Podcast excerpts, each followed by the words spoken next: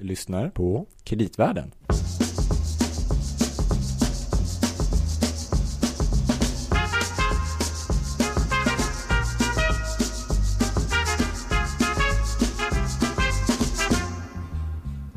Hallå Gabriel, Hej Louie! där är du. Ja, här är jag. Du, när du, Höst, ring, hösten kan börja. när du, eller höst, när du ringer och kallar så kommer jag. Då är det höst. Och då är det också höst. Vi har en sommar av förhandlingar bakom oss. Ja, Mm.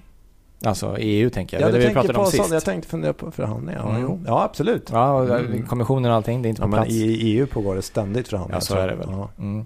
Och även kanske i eh, pod- Kreditvärlden en podcast Mm. med Louis Landeman. och Gabriel Bergin. Mm. Och vi ska väl säga det att vi driver den här podden numera i lite privat regi. Ja. Så det är en podd av och med Louis och Gabriel. Ja, Men du jobbar på Stockholms stad. och du på Danske Bank. Ja. Då så. Just det. Jag tror att vi redan. Ska vi... Vi har inte så mycket förhandlingar i den här podcasten. Men vi pratar ju... Jag tänker att vi Mellan kommer avsnitten. prata lite om förhandlingar även idag. Mm. Det stämmer. Vi ska tillbaka till ett kärnämne i kreditvärlden. Det här känns väldigt kul. Mm. För att någon gång, kommer du ihåg det Gabriel, när vi startade podden? Några år Ja. 2000, ja. Mm. Nej, men det var ju lite kring att vi skulle förklara hur det funkar på kreditmarknaden och lite saker skulle vi ta upp tänkte vi som man kanske Vi skrev en inte bok. förstår. Ja, precis. Mm. Så tänkte vi att om man är en aktieinvesterare så kanske inte allt man förstår kring det här med bolagsrisk och vad händer om ett bolag får problem? Mm.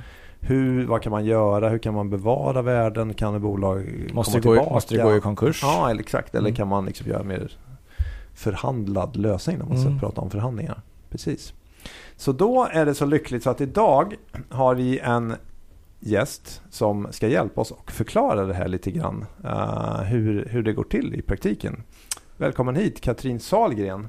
Tack så mycket. Du är koncernchef för ett företag som heter Verkstad och till nyligen var du även VD för eh, bolaget Teknikmagasinet. Stämmer bra fram till augusti. Just det, så väldigt nyligen. Mm. Så vad, hur länge var du på Teknikmagasinet? Jag var där lite kort om tre år. Okej, ja, Så jag började oktober 2016. just det. Och hur, ham, hur kom du in, hade du jobbat tidigare inom detaljhandelsbranschen? Eller? Eh, ja, men det hade jag faktiskt. Jag hade jobbat nio år på Pressbyrån. Så det var ju också detaljhandel, men Mm, servicehandel mer. Mm. Eh, och eh, sen varit på ett par andra ställen däremellan. Och sen blev jag rekryterad till Teknikmagasinet som ju var ett eh, bolag som startat 89, varit igång ett bra tag. Och Mm. eh, växt sig stark i Sverige, Norge, Finland. Just det. 130-tal butiker i Mm. tre länder. Mycket, ja. Och utvecklats ganska jämnt, bara växt, växt, växt, växt. Gjort det Mm. väldigt bra med två entreprenörer i grunden. Just det. Och jag kom in i samband med att Segula hade förvärvat verksamheten kanske ett år tidigare. Riskkapital. Riskkapitalbolaget Mm. Segula. Och syftet var ju helt enkelt att eh, verkligen eh, öka på takten och växa ännu mer. Fler butiker. Fler butiker, en ökad eh, e-handel naturligtvis. Ja. Ja. Eh, och eh, eventuellt ett senare skede fler länder också. Just det. Kan man bara få en kort bakgrund på Teknikmagasinet? 84 sa du. 89. 89 startades det. Mm. Och då var det en fysisk eller var det också postorder då? Eller hade man båda de delarna? Eh, det var en fysisk butik. Ja, Och det har alltid framförallt hamna, han, eh, handlat om att ha fysiska butiker. Mm. Däremot var man ju tidigt igång med att ha en väldigt tjock katalog med spännande tekniska just det. prylar i. den kommer man ihåg. Ja. Ja. Jag är född på 80-talet. Jag hade, man kunde Ja. titta, kry- kryssa i den där. Kanske var en del av målgruppen Gabriel. Ja, det var jag. Ja, fortfarande en del av målgruppen Ja, okej. hoppas jag. Mm. För Gabriel är evigt ung. Ja. Men eh, så att, och oavsett hur många butiker man öppnade så var en av de grundprinciperna det var att allt som fanns i katalogen fanns i varenda butik. Mm. Så att det var nästan inte postorder på det sättet Nej. kan man säga. Mm. Men Just det, så att de fysiska butikerna Behövde väldigt stora bakutrymmen. Ja, eller eh, man, har- man har haft en sak av allting. Ja, just det. Mm. Så eh, det, har, det har varit spännande och det har också varit både någonting positivt men också någonting att hantera naturligtvis Mm. och kanske en, en del av problematiken. Det Mm. bygger ju ganska stora lager lokalt. Mm. Ehm, Men och man var tidig faktiskt, du säger postorder, men Mm. man var tidig med e-handel. Mm. Nu kom jag in 2016, men man hade, var en av de första att öppna webbshop. Mm. Men det var mer för att stötta butikerna, det var inte en Mm. egen verksamhet egentligen. Och jag tror inte ägarna då såg det som en egen verksamhet. Just det. Mm. Så det var som ett komplement. Om man kom in i butiken och så sa man att den här fanns inte idag så Ja. kan jag köpa den här istället. Ja. Mm. Exakt. Det var inte en egen kanal. Nej, och man såg det mer som ett stöd till butiken kanske. eh, Idag i vissa, eh, på Amazon ser man det tvärtom, eller hur? De Mm. eh, öppnade e-handel och sen Ja, har de lite butiker som stöd. Ja. Ja, Men så när du kom in i bolaget, då var det även den nya ägaren var också ganska nya då eller? ja, så de hade varit igång i ett och ett halvt år lite Okej, drygt. ja just det. Och Mm. eh, hade väl börjat driva verksamheten med existerande management Mm. och sen så kände de att vi vill förstärka. Mm. Så att jag kom in eh, som, som eh, VD och så hade vi en ny CFO också som vi Okej. rekryterade. Just det. Och då var, när du kom in då var det en uttalad, vi ska, det var tillväxt Vi ska växa. Mm. Och då hade man både tittat på att man hade startat väldigt många butiker Mm. senaste året. Mm. Mer än någ- alltså snabbare än, in, än någonsin. Mm. Och för att också kunna hantera det väx och växande eh, säga, omsättningen och växande Ja. affärsverksamheten så, så hade man bestämt sig för att flytta centrallagret från Järfälla Mm. och eh, valet föll på Eskilstuna, eh, bra ort inte för långt ifrån. mm. Eh, och under sommaren innan jag började flyttat Mm. hela verksamheten Oj, okej. central, alltså lagerverksamheten. Det var ett stort, stort projekt och det kostade väldigt mycket Mm. och Mm.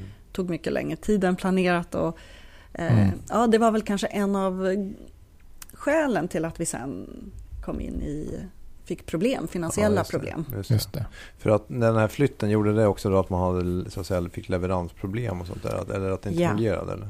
Så att dels eh, så fick man ganska stora leveransproblem så att säga, strax innan flytten skulle göras. För att det var så långt mellan Järfälla och Eskilstuna så det var inte så Mm. många anställda som ville flytta med. Mhm.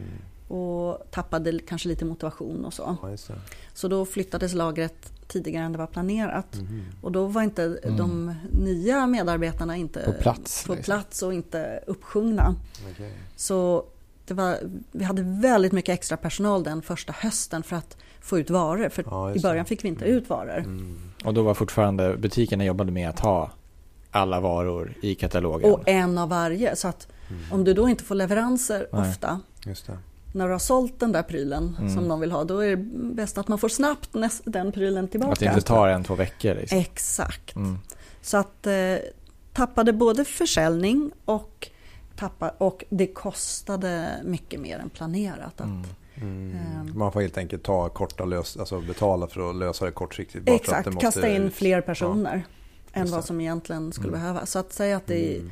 egentligen runt jul skulle behövas eh, 50 pers säger vi, så Ja. hade vi 100 pers. Mm. Just det. Just det. Men hur var alltså marknaden överlag under den tiden då? Var den stabil eller så att säga? Eller hur den... Ja, 2016 hade ju redan alla diskussioner kring hur detaljhandeln skulle klara sig överlevt och, eller eh, påbörjats och Mm. eh, en hel del bolag tror jag inom detaljhandeln hade funderingar på vad ska vi göra, projekt med kanske framförallt projekt med sin e-handel. Även om man började diskutera tjänster också skulle jag tro. Men Mm. framförallt Mm. tycker jag på den tiden e-handel och hur man gjorde reklam och kundklubbar och sådana saker. Ehm, men, och vi såg ett visst tapp på existerande enheter, någon procent eller så, men det var inte ett allvarligt tapp. Ja, men det var ändå en viss volym, Mm. eh, avmattning i volymerna. Mm. Just det. Men det hade man ju levt med ganska länge då. Alltså, Ja. Jag antar att, eh, jag vet inte om du kommer ihåg eller sådär, men följde man marknaden generellt under åren innan och under den här perioden? Det gjorde man, följde marknaden generellt. Mm. Samtidigt tror jag också att det, eh, hur ska jag säga, eh, Teknikmagasinet är ju, många produkter är lite mer impulsartade och eh, mindre. Det betyder att när det går trender i marknaden så mår Teknikmagasinet bra. Därför att Ja, det. det köps många trendprodukter. Så att eh, när skal blev trendigt, ja då började man köpa skal. Mm. Eh, när eh, drönare Ja, blir trendigt så köper man drönare. när såna här hoverboards blir trendigt så köper man det. Mm. Eh, så Och allt då går man till och då går man Teknikmagasinet. till Teknikmagasinet. Mm. Och sen kom ju de mer kända spinners och squishies och Mm. sånt. Så att eh, därför kan man säga att det inte alltid Teknikmagasinet går helt i linje med marknaden. För det beror också på, är det några Trender som trender, går. några Ja. tekniska, små tekniska Mm. trender som driver Mm. Just det. utvecklingen. Ja. Och särskilt kanske mot målgruppen som inte beställer på nätet. Exakt. Mm. Men sen så sa du, för att ni, strategin en del var väl att ha, det- just det här man säger, det är viktigt med vilka lägen man har Mm. butikerna i eller? Precis, så att egentligen var kan man säga ett uppdrag, det var ju att eh, möjliggöra snabb tillväxt så därför flyttar man lagret för att man var eh, helt, eh, det var helt chokat Ja. eh, förra lagret. Det fanns inga system för att sköta det och det var väldigt opraktiskt. Okej, okej. Så man bytte lager för att lägga grunden för en, en snabb tillväxt och, och man tog också in lite personer då eh, för att utveckla verksamheten. Eh, Och man öppnade jättemånga butiker och tanken var faktiskt att bara öppna fler och växa i handeln. Så att det, var, Mm. det var målen. Eh, Men i och med flytten av centrallagret och de kostnader de innebär Mm. så blev det eh, lite så bröt vi våra covenants.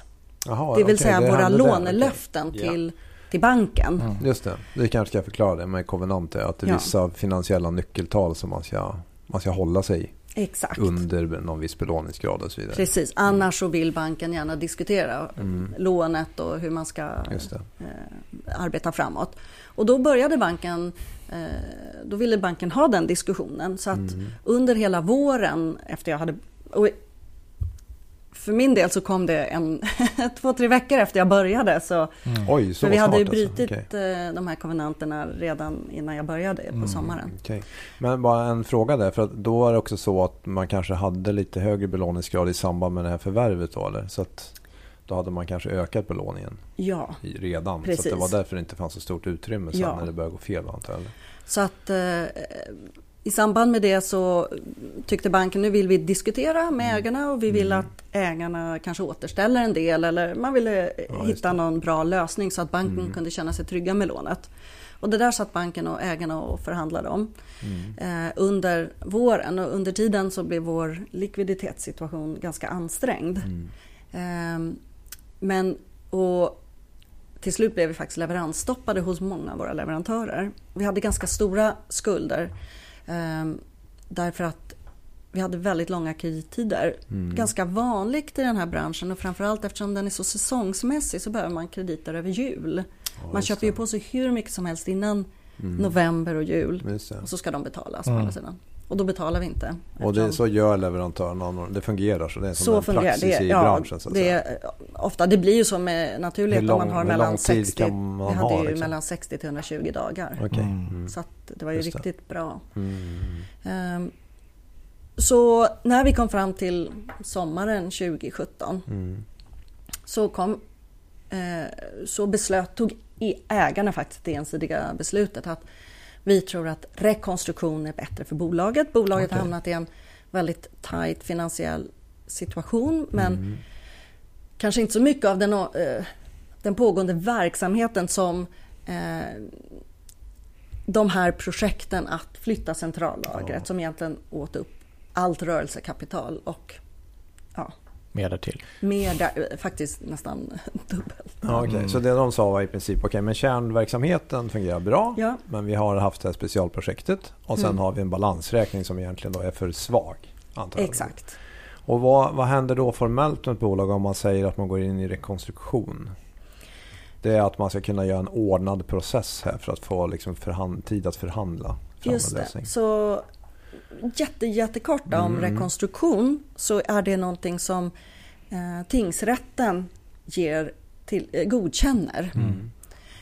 Eh, och man behöver ta in, precis som i en konkurs så tar man ju in Mm. en advokat. Men till Mm. skill- eh, helst någon som då är professionell kring Mm. rekonstruktioner. Men till skillnad från konkurs så tar inte advokaten över verksamheten. Utan management och verksamheten driver den vidare. För syftet är ju att, att utveckla verksamheten. Eh, utan vad advokaten gör är att man tar över, bank, de tar över bankkontona. Okej. För man får inte sätta sig i skuld när man är i rekonstruktion. Nej, okej. Och eh, en tingsrätt godkänner en rekonstruktion. Det är på något sätt att ge bolaget en andra chans Mm. att reda upp sin situation därför att det finns en sund grundverksamhet. Det måste finnas en framtid. Det måste enkelt. finnas en framtid så att för då gagnas på något sätt hela samhället. Mm, Eh, Då får medarbetare ha fortsatt jobb. Ja. Leverantörer har kvar det här bolaget ändå som en samarbetspart. Även om man Mm. kanske får ta en tillfällig nedskrivning av existerande lån så kan man tjäna pengar framöver på bolaget. Skatteverket och alla får. Mm. fortsatt pengar in framöver. Snarare än att stänga bolaget. Så det är på något sätt att bara hjälpa bolaget ur en väldigt tuff För, finansiell för situation. att apropå rädda världen, så om det skulle vara en, en konkurs, eller en konkurs, då ska man egentligen avveckla verksamheten och sälja Ja. ut och då blir det väldigt låga värden på den man Exakt. säljer och de, då får man förmodligen väldigt lite tillbaka om man Ja. har lånat ut pengar. Då. Precis. Men vid en rekonstruktion så kan det bli mycket bättre. så kanske du kan ändå nästan kvar, spara säga. egentligen Ja, alla värden kvar. Mm. Istället för att du får ut 20 Just av värdena eller vad man nu kan Men om man, då är, om, man då är, ah, förlåt, om man då är aktieägare och gör det här, vad, vad blir konsekvensen då? då? Att man kanske får, tapp, man får räkna med att man kanske tappar kontrollen över bolaget här i. Ja, det kan ju hända. Det beror ju på den strukturen med hur banklånen ligger och vilka säkerheter Ja, och så. Så att det, kan väl, det kan nog variera från Mm. bolag till bolag. Och det är kanske är en del av den här förhandlingen. Då. ja, det det- blir en del av förhandlingen. Just det. Ehm, Vilken roll spelar du som vd i en sån förhandling? Eller är det egentligen mest banken och ägarna som ska... I vårt fall var det ju framförallt banken och ägarna som behövde Mm. komma igång. Den rollen jag spelade just i det sammanhanget som VD var ju att hjälpa till att hitta intressenter. Ändra de exister, att få existerande ägare att lägga in mer pengar. Mm, mm. Eh, eller att hitta, hjälpa till att hitta nya ägare som Mm. Vill gå in och vara delägare eller ta över. För att ibland kan det ju kanske i en rekonstruktion räcka med att man fixar till verksamheten. Så att den, Mm. men ofta behöver man ett tillskott på kapital också i en Ja, rekonstruktion. just det. är jag skulle tro att i merparten av fallet behöver man ändå få tillskott på kapital. in lite nya pengar. Ja. Kan, mm. Vi behövde ju återställa vårt rörelsekapital. Vi Mm, behövde ju få någon som, så att vi kunde jobba vidare. ja, just det. Ehm, Så det, det tror jag. Och då har man ju en roll som VD. Så då skickar man in en sån här ansökan till tingsrätten helt Mm. enkelt. Och, sen så säger de, eh, och då säger de sen eh, ja eller nej. Och så Ja. får man Mm. en viss tid på sig. Ja, så att de lyssnar lite på borgenärerna. Ja, Och sen säger de ja eller nej. Och så får man tre månader. okej. Och sen måste man återkomma. Och man löser ju oftast inte eh, svårare Nej. problem på tre månader. Så man har fyra gånger tre månaders perioder på sig Okej. att gå ur. Och att gå ur innebär att man kan ge och har fått eh, borgenärernas eh, accept på det ackordserbjudande Mm. man lägger, oftast 25 procent. Mm. Eh, och att man har en plan för att man kan betala tillbaka det inom ett år. Så Okej. det är eh, vad tingsrätten kräver för att man Och då ska gå de borgenärerna rösta om det här då? Om Ja. man ska godkänna det Ja, inte? det ska de. Okej. Och 25 procent menar du att man får, de får 25 procent tillbaka? Ja, Just det, av, precis. just det. Så hur gick det här sen då? Vad, vad hände under den här tiden? Ja, Hur- för hur- alla som liksom? funderar på att gå in i rekonstruktion så är det ju väldigt bra, kan man ju ge som råd så här Mm. efteråt, att vara noggrann och genomtänkt och välplanerad innan. Och verkligen, Mm. tror jag, oftast har man kontakt med en rekonstruktör innan när man funderar över det. Ja. Och det är verkligen att ställa frågor kring hur det här fungerar. För en rekonstruktion är jättetuff för ett bolag. Så Ja. man ska inte bara tro, ja men det var ju bara att göra och så slapp man 75% av skulden. Det var väl bra. Mm. Eh, och det är kanske till och med lite för lätt. Man kommer undan. Men Mm. så är det verkligen inte kan jag säga nu. Det var ju första Nej. gången Ja, jag har varit exakt, inne i det. precis.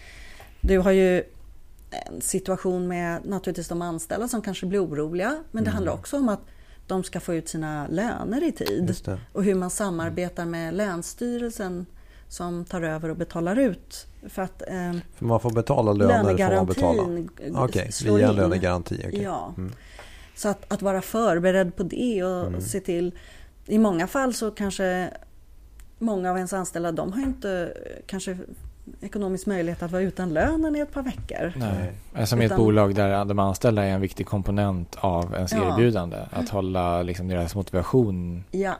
uppe. Som är liksom, så att inte lagar i situationen förvärras ännu värre. Till, till exempel, liksom. Sen eh, att, hålla, att få alla, så att medarbetarna nummer mm, ett, mm. att verkligen ha en, en tanke och en plan. Hur håller vi våra medarbetare Eh, hur är så mm. motiverade och så väl som möjligt. Det andra är leverantörerna mm. naturligtvis. Mm. Ja, precis. Alla vet blir... inte vad en rekonstruktion är. En del Nej. utländska vet inte mm, det. vad det är. Hur just får vi dem att fortsätta leverera? Och det ja, var, det. tycker jag, i första rekonstruktionen absolut svåraste. Vi gick ju från att ha en servicegrad på 95 procent säger vi i våra mm. butiker, att varorna fanns, till 70. Oj, ja, Så att det bara dök. Mm. Ehm, därför att inte bara för att de inte var med oss, för det var de. All heder åt våra leverantörer, de var med oss. Mm. Men att gå från att betala på faktura till att betala i förskott, för det måste man. Man får nämligen inte ha några skulder. Mm. Att ställa om. Vi är ju alla genomelekronifierade nu. Så att gå från att betala mot faktura, det är ju ingen som kan ta emot Men hur får, man, hur får man fram pengarna då eftersom man är i den rekonstruktionen? Rörelsekapitalet som redan var rätt ansträngt. Ja, men i och med att det är en rad betalningar man då inte gör. Mm. Som du kanske har räknat göra med. Um, du, kanske lönerna då som lönegarantin går in istället. Mm. Det kan vara en del utestående momsfordringar. Alltså det är en ja, rad okay, fakturer som du har tänkt mm. betala. Mm. Så har man en verksamhet som detaljhandel, då får du in pengar varje dag. Mm. Har du en faktureringsverksamhet, alltså en business to business, då, kan ju, då ska man ju fundera över när man så att säga, går till tingsrätten, vilket datum. Så ja, just det. Men i ert fall så kunde ni, det fanns några källor där som ni kunde? Ja, så vi fick in. Men det är en klok fråga för att mm. det påverkar absolut. Mm. Men jag tänkte också med den här lägre servicegraden så blir det väl, då ökar pressen ytterligare på personalen också. För de ska stå i butiken och förklara ja, varför det inte finns exakt. varor och så vidare. Och omsättningen sjunker och så. Så att det var ju det vi såg att mm. vi tappade ganska mycket omsättning ja, under perioden vi var i rekonstruktion. Så det är, tycker jag också en lärdom. Det är ett par lärdomar jag tog med mig från den där första. Det var naturligtvis att hålla personalens väl så nära som möjligt. Att vara tätt in på leverantörerna så att man har dem ja. med sig, att de förstår vad som händer. Mm. Eh, men sen också att, att se att det kommer att gå dåligt ett tag. Så man mm. måste ha utrymme för det. Mm. Och det låter, varför, man har gått in i en rekonstruktion för att man inte har det. Men när man planerar verksamheten framåt som ja, ägare så måste man säga att det tär att vara i rekonstruktion. Mm. Men var det några, för att du indikerade att de här motparterna, leverantörerna och anställda, de, försökte, de mm. ställde, ställde ändå upp så att säga. Ja. Var det ytterligare intressenter där det var svårare att få dem att ställa eh, upp? Så att absolut. Säga? Kanske tycker jag att de som det var tuffast med det var eh, hyresvärdarna. Mm. Okay. Och kanske inte så mycket de små eh, privata Nej. hyresvärdarna, eller alla är privata, men de stora köpcenterägarna. Ah, okay. De tyckte vi nog att de var tuffa att ha att göra med. Såg de att de kunde använda lokalen till något annat? För jag tänker att det går väl inte jättebra för alla köpcentrum. Så att de har någon verksamhet där är väl bra, eller? Ja, och vi ville ju komma ut ur vissa ja. verksamheter som faktiskt gick med förlust. Där mm. vi tyckte att det är på grund av att hyrorna är för höga. Ja. Eller vi vill bara stänga för att mm. det här läget det, det, funkar inte för oss. Ja, eh, men då finns det ju i många kontrakt finns det ju såna här klausuler att man måste ha öppet varje dag. Mm. Och har man mm. inte öppet varje dag måste man betala ganska mycket. Och, och, I sig kan man förstå den klausulen. Man vill inte ha att eh, butiker är försenade och så är stängt var och varannan mm. dag för att någon var sjuk och sådär. Men när vi då försökte, vilket en rekonstruktion ändå ska hjälpa till med, gå ur kontrakten så började de räkna inte bara kvarvarande hyra på den skulden utan också den här avgiften per dag kvarvarande. Oj. Så hade vi tre år kvar, alltså det blev ju vi har en butik som är 50 kvadratmeter och vi skulle få en skuld på 8-10 miljoner på något Oj. läge. Aha. Det går ju inte när Nej. hyran var kanske en miljon kvarvarande. Ja. Mm. Så att, och där fanns det jag upplevde, men det här är en partsinlaga nu, mm. men jag upplevde att det var dålig förståelse mm. hos eh, en hel del hyresvärdar. Väldigt inflexibelt då låter det i alla fall. Ja. Ja, det är intressant. Och jag tror att det måste förändras och kommer att förändras. För att det har ju stått mycket i tidningarna Mm. också att det är ju fler och fler inom detaljhandeln som brottas, som vill ha mindre lokaler. Mm. Och hyresvärdarna står inför att man måste sänka hyrorna, Mm. hitta tror jag nya former tillsammans med detaljhandeln om man vill att det ska finnas en sund Ja, det. Och där kanske det är lite tröga också. Att man vill inte gärna inse kanske att man till exempel måste sänka hyran. Eller? Ja, jag tror att det också har att göra med, med värderingar och sånt kan jag tänka Mm. mig. Alltså ja. Mm. marknadsvärderingar av fastigheter, man kanske har lån på fastigheterna. Alltså det är en, Troligtvis. det är en egen... eh, Ja, ja, visst. Ja. Egna konvenanter. Ja, Den är en del av eh, marknaden som vi pratar om ibland Gabriel. Ja. tänkt på det? Jo, ja, ja. Allting Så det hänger ihop. är väldigt intressant. Ja. Okej, så där var det trögt med de förhandlingarna då helt enkelt. de var tröga. Mm. I övrigt så Banken? banken var väldigt hjälpsam. Banken Okej, var jättebra i att försöka diskutera igenom och hjälpa till och hitta nya ägare och så vidare. Okej, Så att allt stöd därifrån, så det var väldigt positivt. Hur lång tid tog hela den här processen då? Eh, Det tog faktiskt ett år och en vecka så, Okej. Okej. så var tingsrätten och klubbade igen. Ja. Eh, Det, det låter som att det måste ha varit ett ganska tufft år för ledningen i... Det var ett tufft år och det var... Det satt långt inne i att hitta, eh, hitta ägare som ville tillföra nytt kapital. Det är ju jättekonstigt att eh, företag inom detaljhandeln med eh, underskott på kapital och eh, något negativ volymutveckling. Jag förstår inte varför. Så vi var tvungna att... Ja. ja, men då när ni gick ut från tingsrätten och så, då såg ni ljuset liksom? Då Solen såg sken. vi ljuset. Ja. Det var, då hade vi en ny ägare, vi hade en ny affärsplan, vi hade ja, leverantörerna med oss Mm. och hade accepterat det här. Alltså verkligen en jättestor Var, majoritet. vad upplevde du själv? Var, var, fanns det någonstans du kände att det här är vändningen? Att nu kommer det att eh, gå vägen här? Liksom, fanns det någon sån punkt? Eller? Ja, punkten var faktiskt när vi träffade vår nya ägare och eh, han eh, sa ja till att investera. Och Okej. vi delade med oss av alltså, affärsplan och såg att det var en enormt bra match med Mm. vad han trodde. Så att det kändes gemensam Så jättebra. då fick, där fick ni nytt kapital. Men vad, vad gjorde ni även för andra? Jag tänkte på förändringar i själva. Var det någonting ni gjorde i affärsmodellen och sånt där också? Eller? Ja, den störst, enskilt största förändringen, alltså i, det har ju funnits mycket, varför god, eh, förlåt om jag bara backar lite, men varför godkände tingsrätten det här? Jo men man sa, Precis. dels så såg man att det var en, kanske ett engångsprojekt som hade dränerat bolaget på mycket Ja, pengar.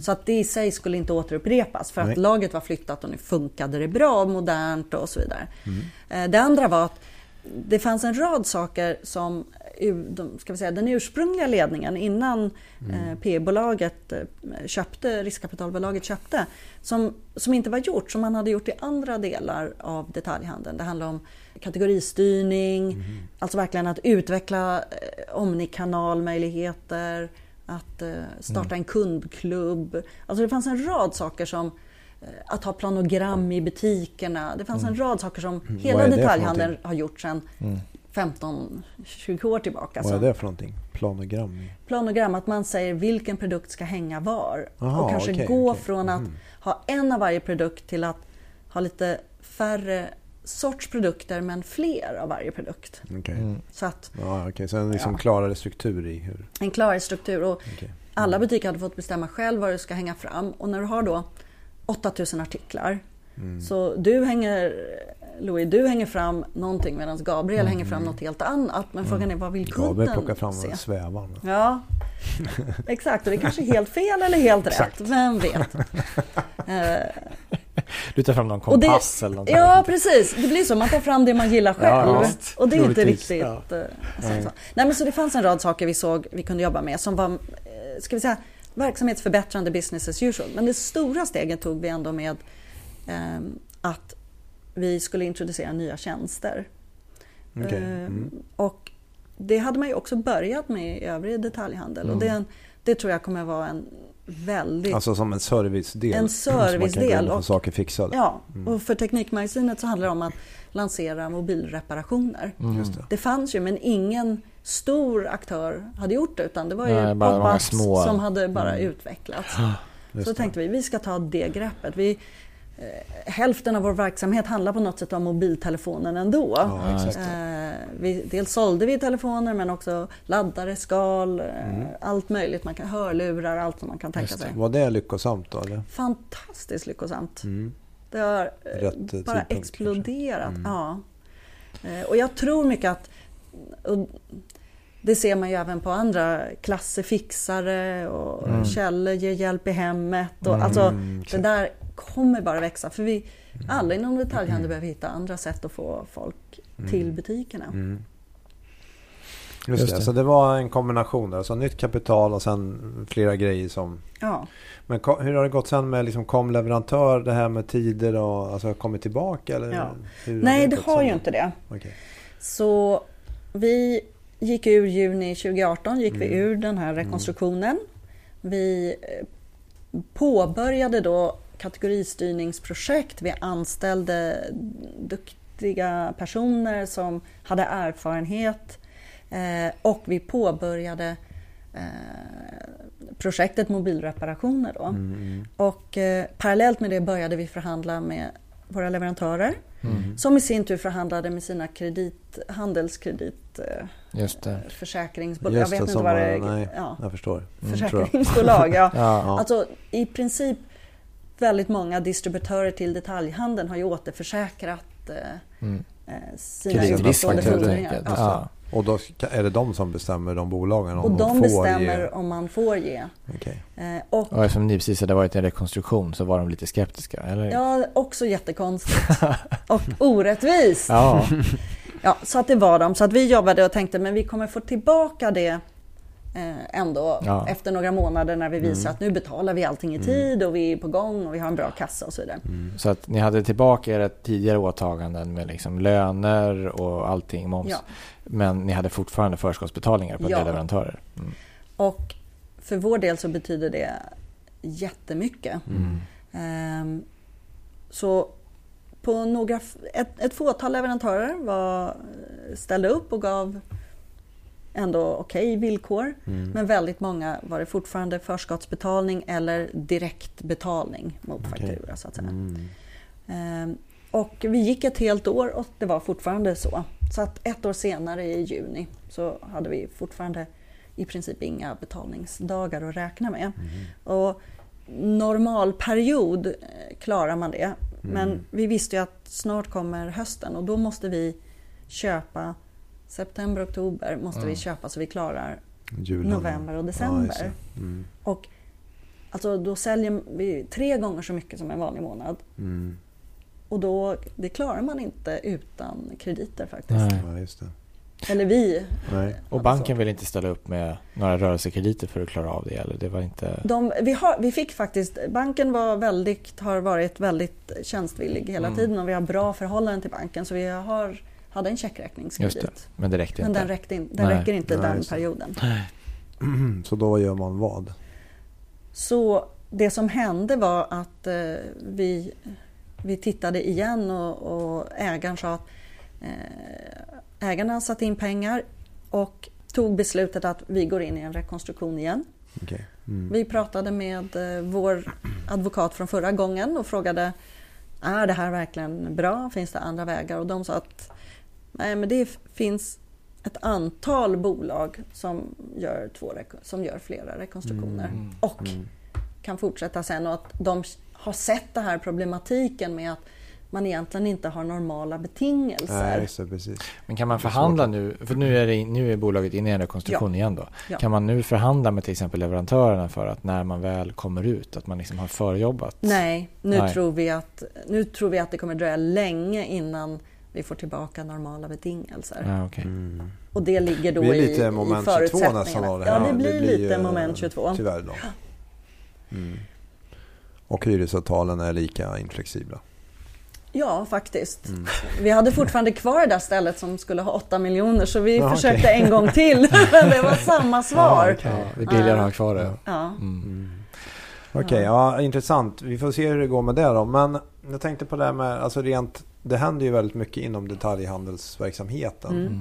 Så alltså, vad, hur ska man se på det här med den här e-handeln? Och det, vissa pratar om så här, ja, det, apropå med hyresavtalen med butiksdöden. Och då säger det, det finns ju siffror på hur många jobb som ska mm. försvinna. Om man pratar om 50 000 till 2025. Alltså det är enorma siffror. Men sen så säger andra, nej men det där med butiksdöden stämmer inte. För att det, det, kommer ju, det är bara att det kommer att bli nya former. Alltså, vad, vad är din syn på det här? Ja, det tror nog jag också. Mm. Eh, sen tror jag att det kommer bli andra saker vi konsumerar. Mm. Vi vill ju konsumera och det är ju trevligt att vara ute och sådär. Eh, så man vill ju inte att det bara ska vara grått och trist så att säga om man går på en gata. Man vill Nej. ha lite butiker, man vill ha kaféer och man vill ha... Mm. Så jag tror snarare det handlar om vad vi konsumerar än mm. att vi gör det. Um, så jag tror att det kommer fler tjänster. Mm. Um, det ska bli intressant att se hela e-gaming, det drar ju folk. Alltså vad får det för mm. konsekvenser? In, mm. Kan det bli någon, ja. några tjänster där? Det kommer in lekland och Alltså det flyttar in saker i köpcentrum också. Inte bara restauranger. Restauranger har man ju jobbat med nu ett tag. Men det kommer andra typer av verksamheter. Och sen kanske inte den fysiska handeln försvinner väl inte heller? Den försvinner den... inte. Alltså, det finns ju någon prognos som säger att om x antal år så kommer e-handeln kanske stå för 25-30 procent. Mm. Det är mm. fortfarande ganska mycket mm. som är kvar. Mm. Um, det som är lite farligt, jag tror att ytorna kommer att minimeras. Mm. Jag tror absolut, för ja, att det är showroom, man behöver inte alla varianter. Mm.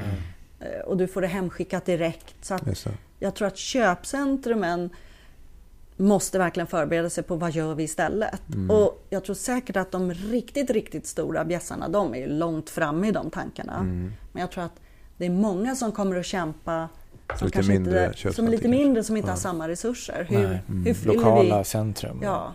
Och visst ser man runt Sverige mm. när, när jag åker runt på eller åkte runt på butikerna så är det ju mycket tomt. Mm. Man går in. Ja. Eh, det är tomt här i Stockholm också. Det är ingen i butiken förutom den som jobbar. Stora Nej. delar. Ja. Så att Nej, precis.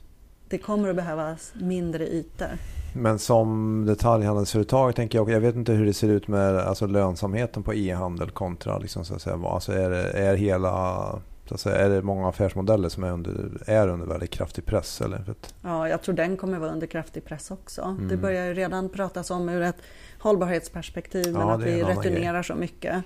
Precis. Så att Fri retur. Kanske kommer mm. den här prisskillnaden också mellan e-handel och eh, så att säga. E-handeln har ju pressat ner butiken ja. delvis. Eh, kanske kommer det bli lite mindre, eller man kommer vara tvungen att betala för Returnera kanske? Returnera eller mm. få det utskickat och så. Det kan ju vara rimligt för det är inte helt uppenbart att det är miljönytta Nej. med e-handel. Nej, inte alls egentligen. Nej, precis. Men vad, hur, annars då? Du som har gått igenom den här processen som låter ganska tuff. Eh, vad, vad, skulle du vilja skicka med de som lyssnar på den här podden för, för lärdomar? Som sitter med ett det, vad heter det, uttömt rörelsekapital. Ja. Hitta någon som kan fylla på det. Nej, men eh, jag tror att eh, det är ju ingen idé att gå igenom den här processen om man inte ser att det finns en möjlighet att överleva. Mm. Då är det faktiskt bara en plågsam, utdragen process. Utan mm. jag tror att man ska ändå vara ganska nyktert ifrågasätta sin affärsidé. Mm. Och kan jag få någon annan som också tror på affärsidén? Och är det, mm. Annars så slösar man ju många spelares ja. tid och pengar. Så ja, att man precis. måste ändå säga varför har jag hamnat i den här Just situationen? Um, det tycker jag är mm. nummer ett. Sen tycker jag att nummer två är då att säga så hur tar jag mig ur situationen? Har jag en tydlig plan som jag kan leverera på att ta mig ur? Så mm. det är på något sätt eh, tycker jag, grundförutsättningen. Mm. Men sen är det det vi sa tidigare, att vara förberedd på att det är oändligt mycket mer administration än vad man tror. Så här, mm. Jag vet inte riktigt, jag har inte riktigt sett på marknaden att det finns någon som eh, också kan hjälpa till och vara eh, rådgivare där. Alltså, eh, juristerna kan ju... Det, det juridiska. Men det juridiska men inte hur det drabbar ett företag att ställa om alla de här det. omställningarna i Mm. administrativa rutiner och så. Någon Där- som kunde hjälpa till och någon som kunde- hantera det. ja, Tala om ta ja. fram det här och de här kommer att behöva det här. Exakt.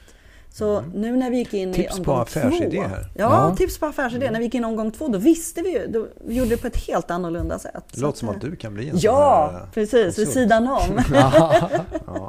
Men en annan fråga. Hur, hur gjorde ni då för att hålla de anställda, alltså hålla modet uppe under den här? Finns det något tips där också? Eller? Ja, kommuni- vi kommunicerade jättemycket. Mm. Så eh, vi använde månadsbrev, veckobrev, vi hade mycket möten Mm.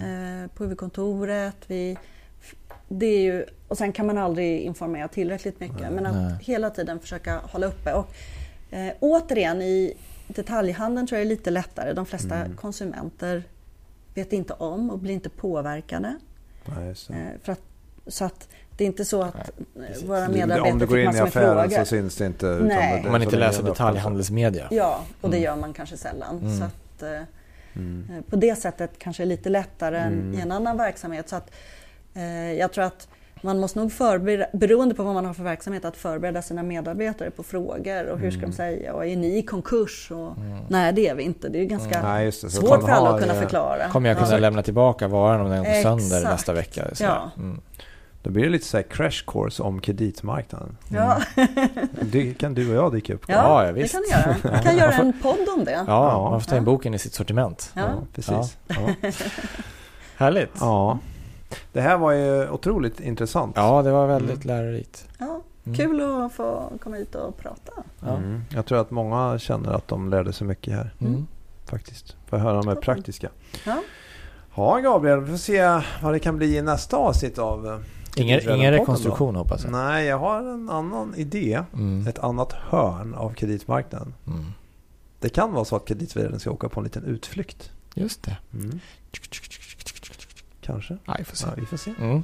Vi ska inte säga för mycket. Nej, Nej, bra. vi återkommer. Ja, men i alla fall stort tack Katrin. Tack så mycket. Ja, tack Och det här med, du brukar säga ibland frågor Gabriel. Ja, om man har frågor. Ja, Ja, vad ska man göra då? ja man kan mejla. Mm. brevatkreditvallen.se Man kan skriva på Twitter Mm. till Kreditvärlden. Mm. Man kan också bara knacka på här på Danske Bank och fråga efter Louis. Så. Mm. Mm. Eller på Stockholms stad. Ja, Bra, tack för idag. Ja, tack. Jättekul. Hej då.